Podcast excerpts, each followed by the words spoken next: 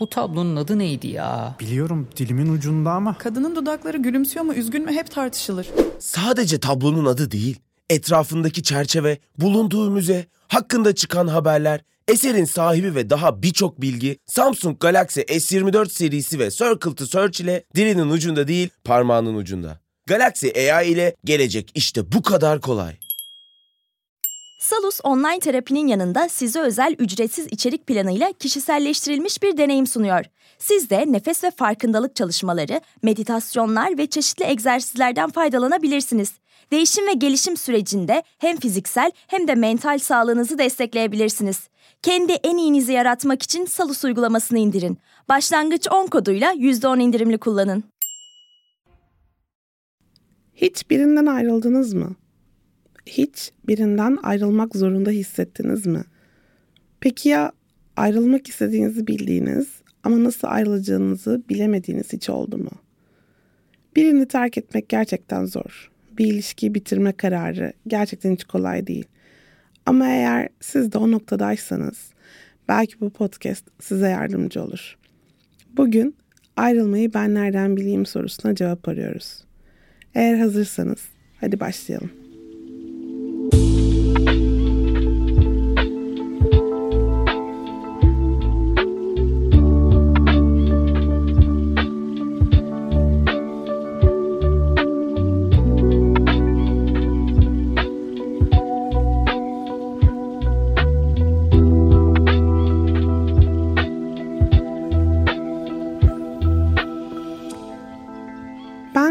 Psikolog doktor Gizem Sürenkök. Ben Nereden Bileyim serisinin bu yeni bölümünde ayrılmak hakkında konuşuyoruz. Bu hiç keyifli bir konu değil. Ben de bunu kaydederken açıkçası biraz zorlanıyorum. Bir de küçük bir itirafla başlayayım. Hayatımda birini terk ettiğimde sanırım 14 yaşındaydım. O yüzden birinden ayrılmak, birini terk etmek benim de çok e, zorlandığım bir alan. Ve şunu fark ediyorum yıllar içerisinde. Bazen biz terk etmiyoruz, terk ediliyoruz. Ama aslında terk edilmeyi biz yaratmış oluyoruz. Yani o gidemediğimiz ilişkilerden aslında gitsek bize de partnerimize de çok iyi gelecek ilişkilerden bir türlü çıkmayı başaramadığımız için kalıp da ilişkiyi sabote ederek günün sonunda biz terk ediliyoruz. Ama aslında o ilişkiyi kim terk etmiş? Bu da enteresan bir soru olarak kalıyor ilişkinin sonunda bence. Şimdi siz benim gibi yapmayın diye ya da aslında hepimiz sağlıklı ilişkilenme adımları yaşayalım diye ayrılıkların da ilişkilerin maalesef doğal bir parçası olduğunu bilerek, hissederek ayrılmak hakkında konuşalım bugün. Ve diyelim ki öncelikle ayrılmamız gerektiğini nereden anlayabiliriz? Çünkü bir ilişkide ilişkinin bitiş noktasına geldiğimizi, aslında bu ilişkinin artık bize de partnerimize de iyi gelmediğini bilmek için bazı soruları sormak lazım diye düşünüyorum. İlk başta en önemlisi benim bu ilişkiyi yürütme motivasyonum var mı? Ben bu ilişkide kalmak için aradığım gücü bulabiliyor muyum? Çünkü her ilişki günün sonunda biraz olsun o motivasyonu ve cesareti istiyor. Kalmak için, uğraşmak için, anlaşmak için, anlamak için, dinlemek için, konuşmak için. Benim bu ilişkiden hala umudum var mı? Umudum var mı ve motivasyonum var mı? Bu soruların cevabı hayırsa zaten aslında ayrılmak için doğru bir noktada olduğumuzu anlayabiliriz. Ama bazen başka sebepler de bizi ayrılma noktasına ilerletebiliyor. Mesela artık konuştuğumuzda karşı taraf tarafından anlaşılmadığımızı hissetmek. Başka bir deyişle iletişim kopuklukları. Ama bu iletişim kopukluklarının artık çözülemez bir raddeye gelmiş olması. Yani sıradan günlük konuşmaların bile bir tartışmayla, bir anlaşmazlıkla sonuçlanması ve anlaşmazlıkların, tartışmaların hiçbir zaman iki tarafı da memnun edecek şekilde çözülmüyor oluşu.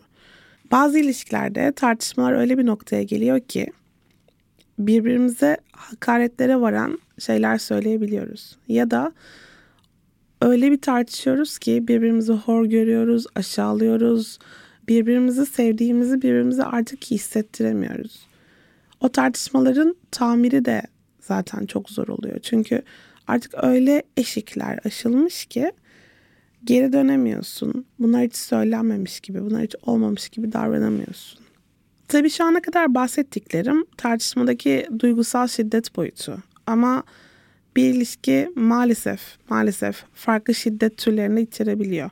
Ayrılmayı ben nereden bileyim noktasında bu konuya değinmeden geçemiyorum maalesef. Eğer bir ilişki şiddet içeriyorsa o ilişkinin devam etmesi iki tarafa da çok zarar veren bir durum.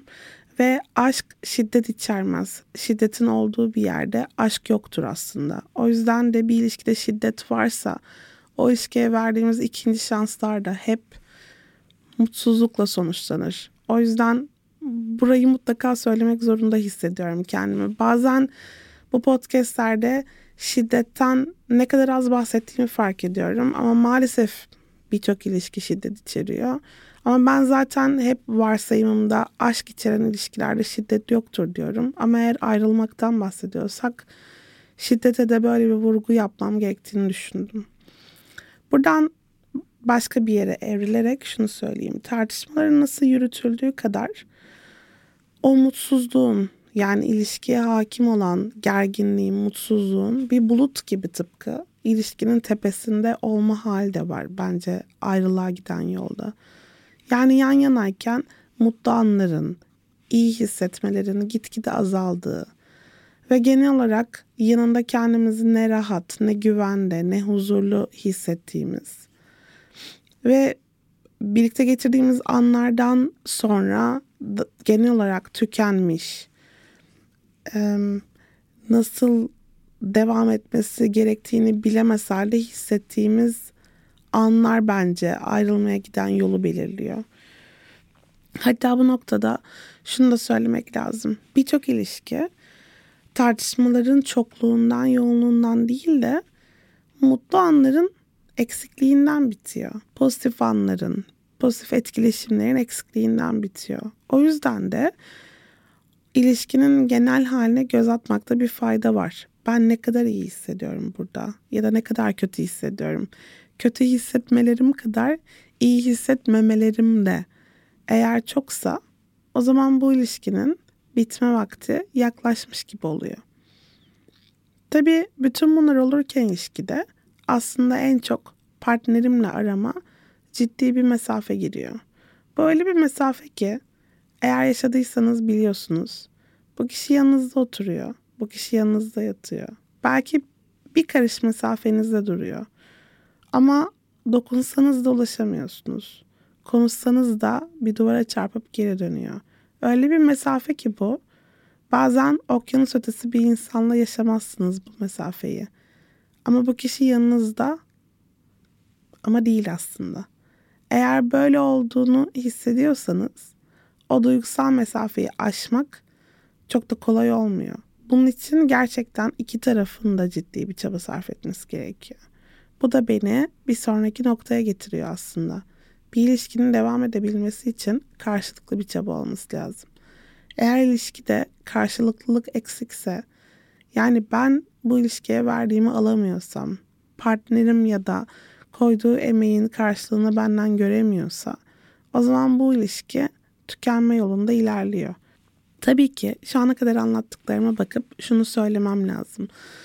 Bunlar var diye şiddeti dışarıda bırakarak söylüyorum. Bunlar var diye ilişkim kesinlikle bitecek gözüyle bakamayız. Bunlar mesela bu podcast'i dinleyen sevgili dinleyicime benim ilişkimde bir problem var ve ben bu probleme odaklanırsam bu ilişkiyi kurtarma şansım olabilir hissiyatı verebilir versin isterim zaten. Ama bazen şu ana kadar anlattıklarım ve bundan sonra anlatacaklarım yaşadığımız ama ismini koyamadığımız, bir türlü tanımlayamadığımız durumlar oluyor. O yüzden onları bir böyle sırayla dinlediğimizde aslında problemin nerede olduğunu ve problemin çözülebilir olup olmadığını düşünme fırsatı ediniyoruz. O yüzden sevgili dinleyicim bu podcast'ı dinlerken tamam bunlar var ve ben kesin ayrılıyorum bakış açısından çok bunlar var mı? Bunlar varsa benim ve partnerimin bunları çözmeye takati var mı, isteği var mı bu soruyu sorarak ilerlemeni tavsiye ederim sana nacizane. Devam ediyorum o duygusal mesafeden bahsettikten sonra. Tabii ki duygusal mesafenin oluşmasına sebep olabilen bazı durumlar da gelişebiliyor ilişkimizde. Mesela güven problemleri. Bazen gerçekten somut bir olay oluyor ve partnerimize karşı güvenimizi kaybediyoruz. Ya da bazen biz o hataları yapıyoruz ve partnerimizin güvenini kaybediyoruz. Bunlar toparlanabilir durumlar mı? Sanırım bu işi yapmaya başladığımdan beri bana en çok sorulan sorulardan bir tanesi aldatmalar affedilebilir mi? Güven problemleri aşılabilir mi? Eğer sizin de aklınızda böyle bir soru varsa bunun cevabı aslında evet. Yani eğer iki tarafta bu güven problemini aşmak istiyorsa güveni kıracak hareketi yapan kişi kendisini bu davranışını telafi edecek noktada görüyorsa ve gereken adımları atıyorsa iki tarafta karşılıklı olarak durumu proses edip beraber hareket etmek istiyorsa o zaman aldatmaların ya da güven problemlerinin aşılması mümkün tabii ki. Hatta bazen ilişkilerin çok daha iyi ilerlemesini sağlıyor böyle bir güven problemini aşabilmiş olmak. Böyle bir güven probleminin olması değil ama böyle bir sıkıntıyı birlikte aşabilmek ilişkiyi sağlamlaştırıyor. Ama eğer güven problemini aşmak için iki tarafta çaba harcamıyorsa ya da o çabalar tek taraflı kalıyorsa, güven konusu sürekli aşındırılan bir konu olarak orada kalıyorsa, hani gidip gelip maalesef tırnakla kazınıyorsa o zamanlar, o alanlar, o zaman ilişki sürekli zarar görüyor ve yani aslında bir kaya gibi küçük küçük küçük küçük aşınıyor ve gerçekten günün sonunda toparlanamayacak çatlaklar oluşuyor ilişkimizde. İlişkimizde yaşadığımız bütün problemler geride bırakılabilir tabii ki. Hatta birçok tartışma yaşayabilir. Şiddetli tartışmalar yaşayabilir. Ve bunlar hiç yaşanmamış gibi hareket edebiliriz. Mesele şu ki bu tartışmalar hiç yaşanmamış olsa dahi ya da yaşanıp geride bırakılmış olsa dahi bunların hepsinin tortusu kalıyor içimizde. İşte o mutsuzluk ya da hınç yani bunları yaşamış olmak, bunların içinden geçmiş olmak ve bir şekilde genel olarak bu tecrübeleri edinmiş olmak bizi partnerimize karşı olumsuz bir noktada bırakabiliyor. Bazen yüzeyde her şey çözülmüş gibi olsa da içten içe bunları yaşadığımız için ona karşı kırgın, kızgın ve evet en iyi kelime bu sanırım hınç dolu oluyoruz. Ben, bana bunları nasıl yaşattın? Biz neden bunların içinden geçtik? Ben neden bunların hesabını verdim? Gibi sorular sizin de aklınızda olabilir. Mesela çok sık yaşanan güven problemleri sonucu o güven problemleri mesela diyelim ki gerçek bir sebepten kaynaklanmıyordu. Birinin daha şüpheci yaklaşımından kaynaklanıyordu ama diğerinin bu şüpheyi haklı çıkaracak bir davranışı yoktu diyelim. o zaman içinden geçilen süreçten sonra kişi şunu hissedebiliyor. Ya, ben neden böyle bir muameleye maruz kaldım? Ben neden davranışlarımın hesabını vermek zorunda kaldım? Ben neden sorgulandım? Bunlar zor sorular ve zaman içerisinde ilişkilerin uzun zaman sürdüğünü düşündüğümüzde hepsi böyle katman katman birikiyor içimizde. Ve maalesef bazen fosilleşiyor. Bazen orada kala kalıyor. Ve temizlenmediği için bazen de hiç konuşulmadığı için bize ağırlık yapıyor. Ve ağırlıklar bazen ilişkinin bitmesine sebep olabiliyor. Eğer siz de ilerlerken ilişkinizde hala geçmişe doğru çekildiğinizi hissediyorsanız bir türlü geçmişten gelen o sorunları, yaşanmışlıkları atamıyorsanız her ilişkinin aslında zaten vardır böyle birkaç tane kilit böyle zihnimizde tekrar eden olumsuz anları bunları oturup konuşmakta fayda var diye düşünüyorum. Yani biz bunu neden yaşadık? Bugünkü Gizem mesela o olaylara nasıl bakıyor? Ben nasıl görüyorum ve partnerim bunları yaşamış olmamızı nasıl değerlendiriyor? O zamanki davranışlarımızdan pişman mıyız? Bugünkü aklımız olsaydı onları yaşamaz mıydık? Bugün onları yaşamamıza engel olan ne var elimizde? Bu soruları arada sormakta fayda var. Eğer böyle içinizde biriken sıkıntılar varsa ve onları bir türlü atamıyorsanız, dönüp dönüp tekrar sizi rahatsız ediyorlarsa. Tabii ki bu podcast serisinde sık sık toksik ilişki olarak bilinen popüler kültürde bize kötü gelen ilişkilerden bahsediyorum. Ve hep şunu söylüyorum. Bu ilişkilerin en büyük işareti bu kişinin yanında kendimiz gibi olamamak. Yani kendimizden sürekli şüphe etmek, bir türlü onun yanında rahat hissetmemek, elimizi kolumuzu nereye koyacağımızı bilememek, hangi espriyi yapacağım, şimdi ne söylesem tartışırız, ee, bunu söylesem evden gitse ondan sonra nasıl barışırız gibi sorular. Eğer bu insanın yanındayken aklınızdan geçip duruyorsa o zaman aslında o ilişkinin bazı toksik unsurlar içerdiğini söyleyebiliriz. Tabii ki bu arada duygusal manipülasyon içeren, duygusal şiddet içeren ilişkileri de toksik olarak tanımladığımızı hatırlayalım.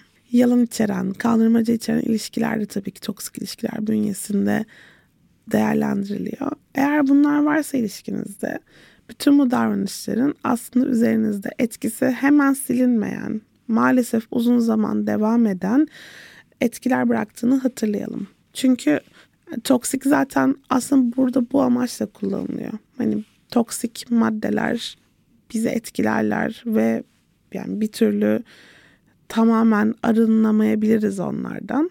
O yüzden de toksik ilişkilerden doğru zamanda çıkmakta fayda var. Çünkü ne kadar buna maruz kalırsak o kadar üzerimizden etkisinin geçmesi uzun sürüyor.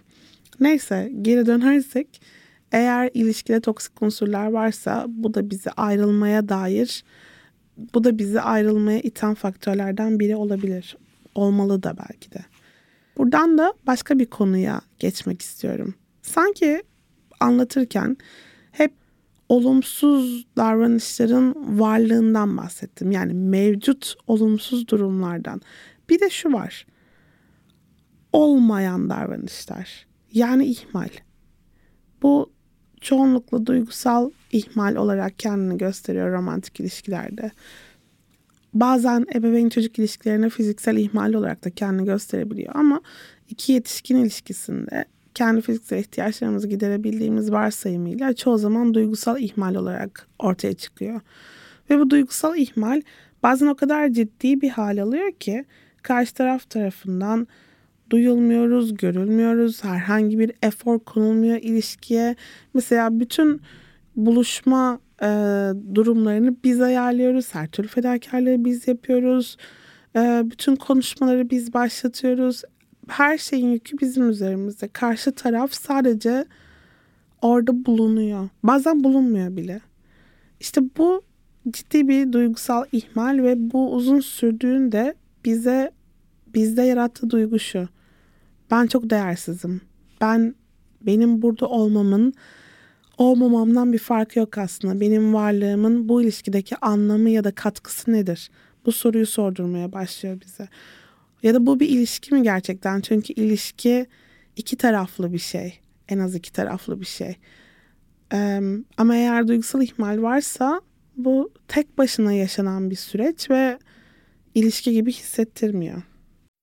Sence gelecek nasıl olacak? Gördüğün her şey hakkında anında bilgi sahibi mi olacaksın? Gecenin karanlığında çok uzaklarda bir baykuşun kanat çırpışını hemen önündeymiş gibi mi göreceksin? Ya da duydukların senin için dönüp bakabileceğin notlara mı dönüşecek? Şimdi cebinden Samsung Galaxy S24 Ultra'yı çıkar. Bunların hepsi işte bu kadar kolay. Çünkü Galaxy AI ile yapay zeka çağı başladı. Galaxy S24 Ultra ile gelecek seni bekliyor. Salus uygulamasında klinik psikologların yanında online görüşme yapabileceğiniz farklı uzmanlar da var. Çocuk gelişim uzmanı, diyetisyen veya fizyoterapist. Bu sayede değişen ihtiyaçlarınıza uygun beslenme, egzersiz ve sağlıklı yaşam rutinleri oluşturabilirsiniz. Salus uygulamasını indirin ve başlangıç 10 koduyla %10 indirimden yararlanın. Detaylar açıklamalarda ve salusmental.com'da. Şimdi bütün bunlardan sonra tabii bir de çok sık duyduğumuz ve bireysel olarak da yaşadığımız anlaşmazlıklar yani uyuşmama hali. benim değerlerim, inançlarım, bakış açım, hayat tarzım, hedeflerim yanımdaki insanla uyuşmayabiliyor. Bazen çok güzel başlıyoruz. Yani böyle iki çizgi üst üste ilerliyoruz ve sonra birbirimizden ayrılıyoruz. Yani farklı yollara doğru ilerliyoruz. O bakış açısı farklılaşıyor zaman içerisinde. Yani aynı yerden başlasak bile farklı yerlerde bulabiliyoruz kendimizi. Olmuyor. Tekrar bir araya gelemiyoruz. O iki çizgiyi tekrar üst üste getiremiyoruz. Yani aslında birlikte büyüyememiş oluyoruz. Büyüyoruz ama farklılaşarak büyüyoruz. Sonuç olarak iki farklı insan olarak artık birbirimize temas edemiyoruz. Şimdi ben size ayrılmak için yani ayrılmalı mıyım sorusuna cevap olabilecek bir sürü madde saydım. Ama bazen Teoman'dan alıntılayarak söyleyeceğim. Bazen ne yaparsak yapalım olmuyor bazen. Yani bazen karşı tarafı çok seviyoruz. O da bizi çok seviyor. İki tarafta uğraşıyor, emek harcıyor. Ama olmuyor. Bazen olmuyor. Bazen olmadığını kabul etmemiz gerekiyor. Bu bazen fiziksel mesafelerden kaynaklanıyor. Bazen önümüzdeki kariyer planlarının bir türlü kesişememesinden kaynaklanıyor. Bazen önümüzü görememe, görememezlikten, bazen belirsizlikten, bazen aslında birbirini çok iyi anlayabilecek iki insanın o anda denk gelememesinden. Ama işte bazen olmuyor. O yüzden de öyle zamanları da anlamak gerekiyor gibi hissediyorum. Çünkü sanırım hepimizin hayatında böyle bir zaman oluyor. Bir de şimdi bütün bunları üst üste düşününce, üst üste koyunca ayrılmak mantıklı bir çözüm gibi görünüyor olabilir sizlere. Öyle mi değil mi? Tabii ki bu her ilişkinin kendi içinde cevap verilmesi gereken bir soru. Zor bir soru zaten. Çünkü ayrılmak hiç kolay bir şey değil. Onca zaman o ilişkiye emek vermişsiniz. Kendinizden vazgeçmişsiniz. Karşı taraf bir sürü emek göstermiş. Ciddi bir yatırım yapılmış. Duygusal anlamda, zamansal anlamda, bazen fiziksel anlamda. Ve hep bir umudunuz olmuş. Yani bir şekilde düzelir mi, değişir mi, halledebilir miyiz? Ve gerçekten çok zor yani. Bütün bunların cevabının hayır yani ilerlemek zorundayım. Burada kalınca aslında olmuyor diyebilmek çok zor. Ancak maalesef bir araştırmaya göre kurulan ilişkilerin %70'i ilk bir yıl içerisinde bitiyor zaten. Bu durumda maalesef birçoğumuz istesek de istemesek de o ayrılığa maruz kalıyoruz. Kimi zaman aktif olarak terk eden olarak, kimi zaman da pasif olarak terk edilen olarak. İkisi de çok zor bu arada. Hani şöyle bir yanılgı da var ya. Terk edilmek daha zor. Terk eden olmak daha kolay. Terk etmek de çok zor aslında. Çünkü terk edenin süreci daha önce başlıyor. Ayrılığı ben nereden bileyim podcastine referans vermek istiyorum burada. O podcast'te biraz anlatmıştım. Yani ayrılık aslında bir süreç ve insanlar bir anda ayrılmıyorlar diye. Terk eden kişi o sürece biraz daha erken başlıyor. O soru işaretlerini biraz daha erken kafasına döndürmeye başlıyor. Cevapları aramaya başlıyor. Terk edilen habersiz genel olarak bu zamanda. O yüzden belki terk edilene birazcık daha fazla üzülüyoruz. Çünkü sanki arkasından bir iş çevrilmiş gibi. Ama aslında arkasından bir iş çevrilmiyor. Hepimiz kendi sürecimizi yaşıyoruz. Terk eden o sürece erken başlıyor ve bir şekilde bir yerde vazgeçmeye karar veriyor. O yüzden onun için de bu durumun zor olduğunu, sadece onun yaz sürecinin birazcık daha erken başladığını hatırlayalım isterim. Peki diyelim ki o zor sorunun cevabını buldunuz ve artık ayrılmaya karar verdiniz. Bunu nasıl yapabilirsiniz? Bunu en sağlıklı ne şekilde yapmalısınız? Bir kere her şeyden önce bu kararı verme sürecinizde size şunu tavsiye etmek istiyorum. Bu kararı fevri bir şekilde vermeyin. Çünkü kötü giden ilişkilerde bile çünkü kötü giden ilişkilerde bile aslında fevri karar vermemiz bizim tekrar tekrar kendimizi sorgulamamıza sebep oluyor. Bundansa böyle bir duyguyla yaşamaya başladıysanız kendi kendinize mesela notlar alın. Neden mutsuz olduğunuzu, neyin size kötü hissettirdiğini, hangi tartışmanın size kötü geldiğini. Gerçekten kendi kendinize bir günlük tutun neredeyse. Ama bu günlük içerisinde sadece partnerinizin size yaptığı kötü şeyleri not almayın. İyi anlarınızda not alın, iyi hissetmelerinizde not alın. Ve sonra bir bakın ne kadar uzun sürüyor o iyi hissetmeler ve kötü hissetmeler. Yani neler oluyor ilişkin içerisinde. Birazcık anlamakta fayda var. Çünkü dışarıdan bakabilmek için biraz objektif değerlendirmeye ihtiyaç duyuyoruz. O yüzden de o ah çok iyi hissediyorum şu anda demelerimiz de ya da her şey çok korkunç bu ilişkin içerisinde demelerimiz de kalıcı olmayabiliyor. Tabii ki bu arada ben hep şuna benzetirim. Mesela toksik ilişkilerden çıkmak da asla bir anda olmuyor. Şey gibi bir top bıraktığımız zaman bir basketbol topunu düşün. Bıraktığımız zaman bir anda durmuyor. Biraz daha sekmeye devam ediyor. Ve bizim duygularımız da öyle tabii ki. Bu karar verdiğiniz zaman bu konuşmayı yapmak için doğru zamanı ve yeri belirlemekte fayda var. Tabii ki mümkünse ayrılık konuşmalarını yüz yüze yapın. Bazen uzak mesafe ilişkilerinde yüz yüze olabilmek mümkün değilse de orada da mutlaka FaceTime gibi görüntülü konuşmayı öneriyoruz. Asla sadece bir mesaj ya da bir ses kaydı üzerine ilişkinizi bitirmeyin. Ghosting'e zaten hiç girmeyelim. Bu arada ghosting demişken yakın zamanda modern aşk terimleri hakkında bir podcast kaydetmeyi planlıyorum. Ee, onu da orada da daha detaylı konuşurum bunun üzerine. Ama hani bir anda bütün iletişim yollarını, kanallarını kapattığınız o yöntem karşınızdaki insana çok fazla zarar veriyor.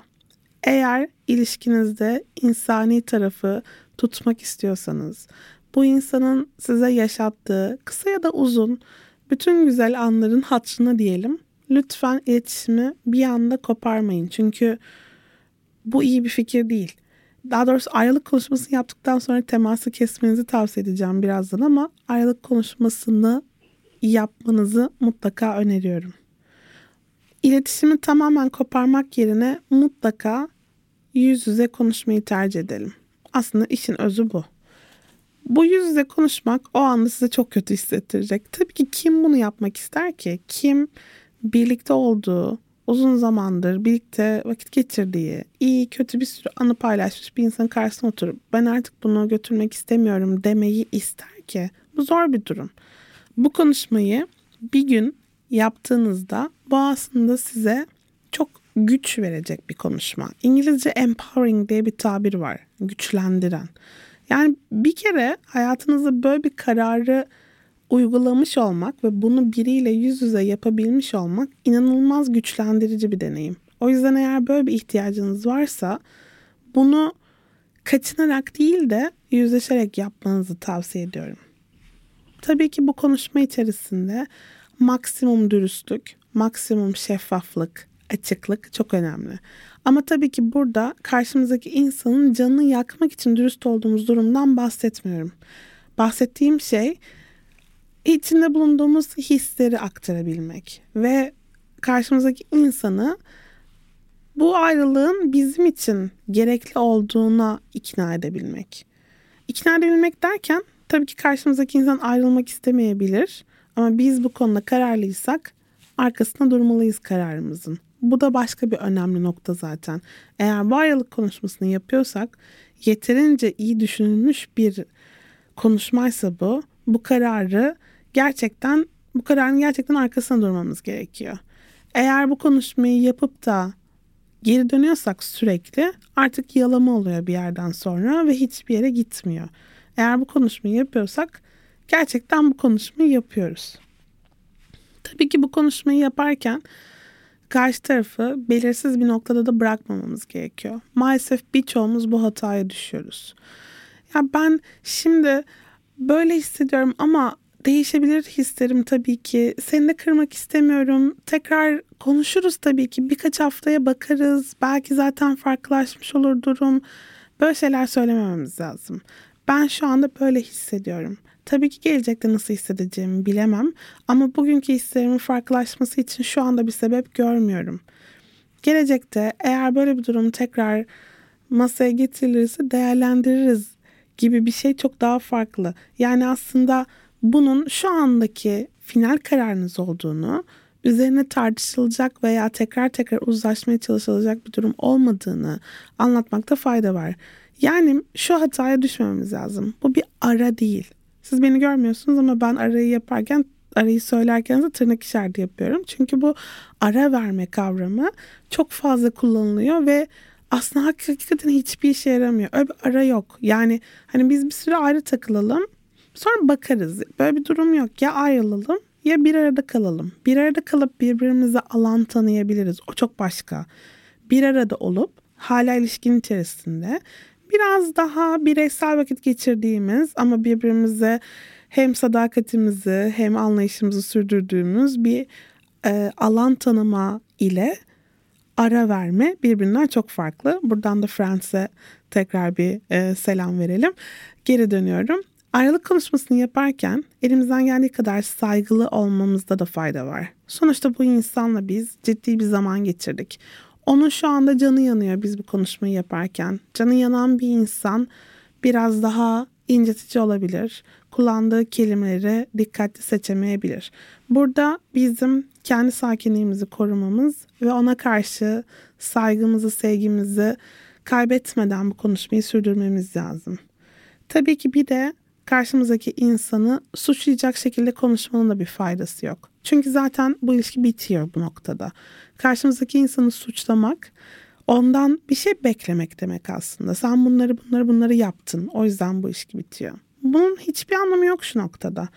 Önemli olan sizin bu ilişkinin sizin için gitmediğini karşınızdaki insana aktarabilmeniz.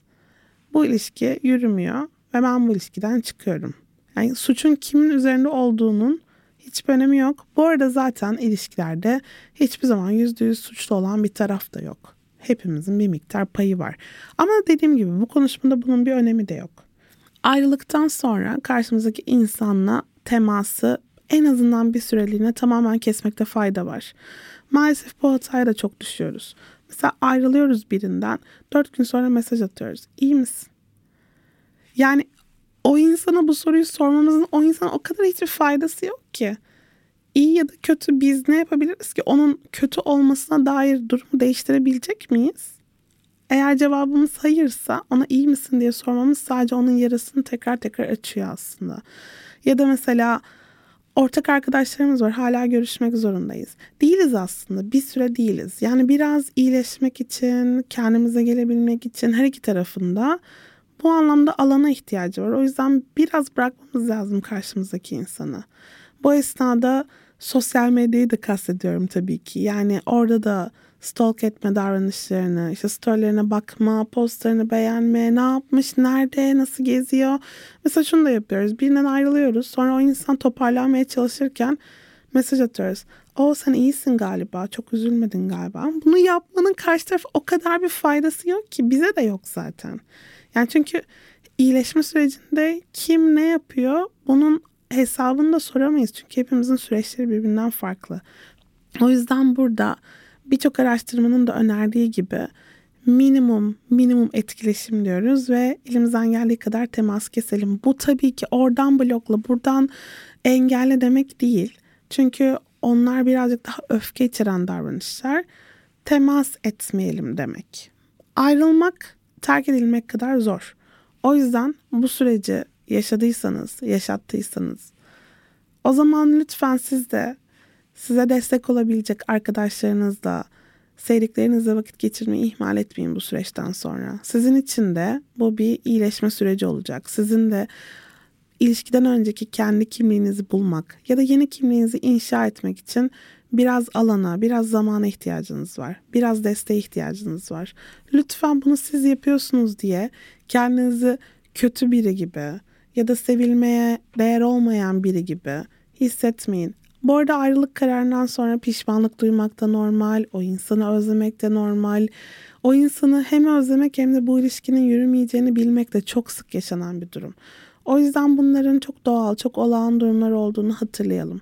Ve tabii ki ilişkiler belli bir zaman geçtikten sonra yeniden değerlendirilebilir. Mesela birinden ayrılırsınız ama 6 ay sonra, bir yıl sonra o insanla tekrar bir araya gelmeyi düşünebilirsiniz.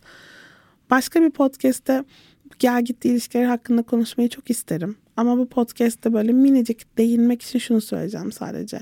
Lütfen bir insanla ayrıldıysanız o insana tekrar bir araya gelmeden önce biz niye ayrılmıştık? Aradan geçen zamanı ne şekilde değerlendirdik? Ve bugün tekrar bu iki insan bir araya geldiğinde birebir aynı şeyleri yaşamamaları için nasıl bir sebep meydana geldi diye konuşmakta fayda var. Aksi takdirde tekrar birleşip tekrar ayrıldığımız, tekrar birleşip tekrar ayrıldığımız ilişkiler yaşamaya mahkum oluyoruz. Umarım bu podcast bütün dinleyenlere o zor soruları hem sordurmuş hem de siz bunları cevaplarken yanında olabilmiştir. Elimden geldiği kadar bunların çok doğal, çok insani süreçler olduğunu, hepimizin bunların içinden geçtiğini ve maalesef bazen de ayrılmak durumunda olduğumuzu anlatmaya çalıştım. Benim için hiç kolay bir podcast olmadı bu arada. Eğer bu podcast'ten sonra aklınızda bazı sorular uyandıysa, üzerine konuşayım isterseniz, yeni bölümler kaydedeyim isterseniz lütfen bana sosyal medyadan yazın. Her zaman ulaşabileceğinizi biliyorsunuz zaten. Herkese sevgilerimi gönderiyorum. Çok daha güzel, çok daha mutlu ilişkiler yaşayabilmemiz dileğiyle. Hoşçakalın.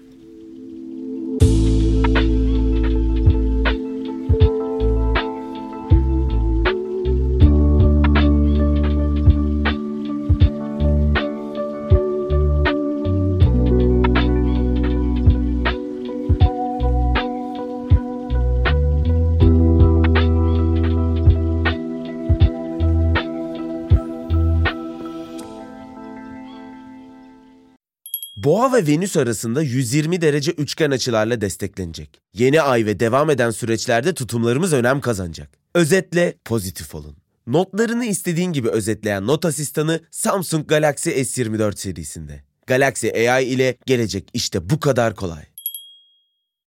Salus yetkin psikologları ile terapiyi her yerden ulaşılabilir kılmaya devam ediyor. Yaşam tarzı değişiklikleri, adaptasyon sorunları, yalnızlıkla başa çıkma gibi konularda online terapi desteği için Salus uygulamasını indirin. Başlangıç 10 koduyla %10 indirimli kullanın.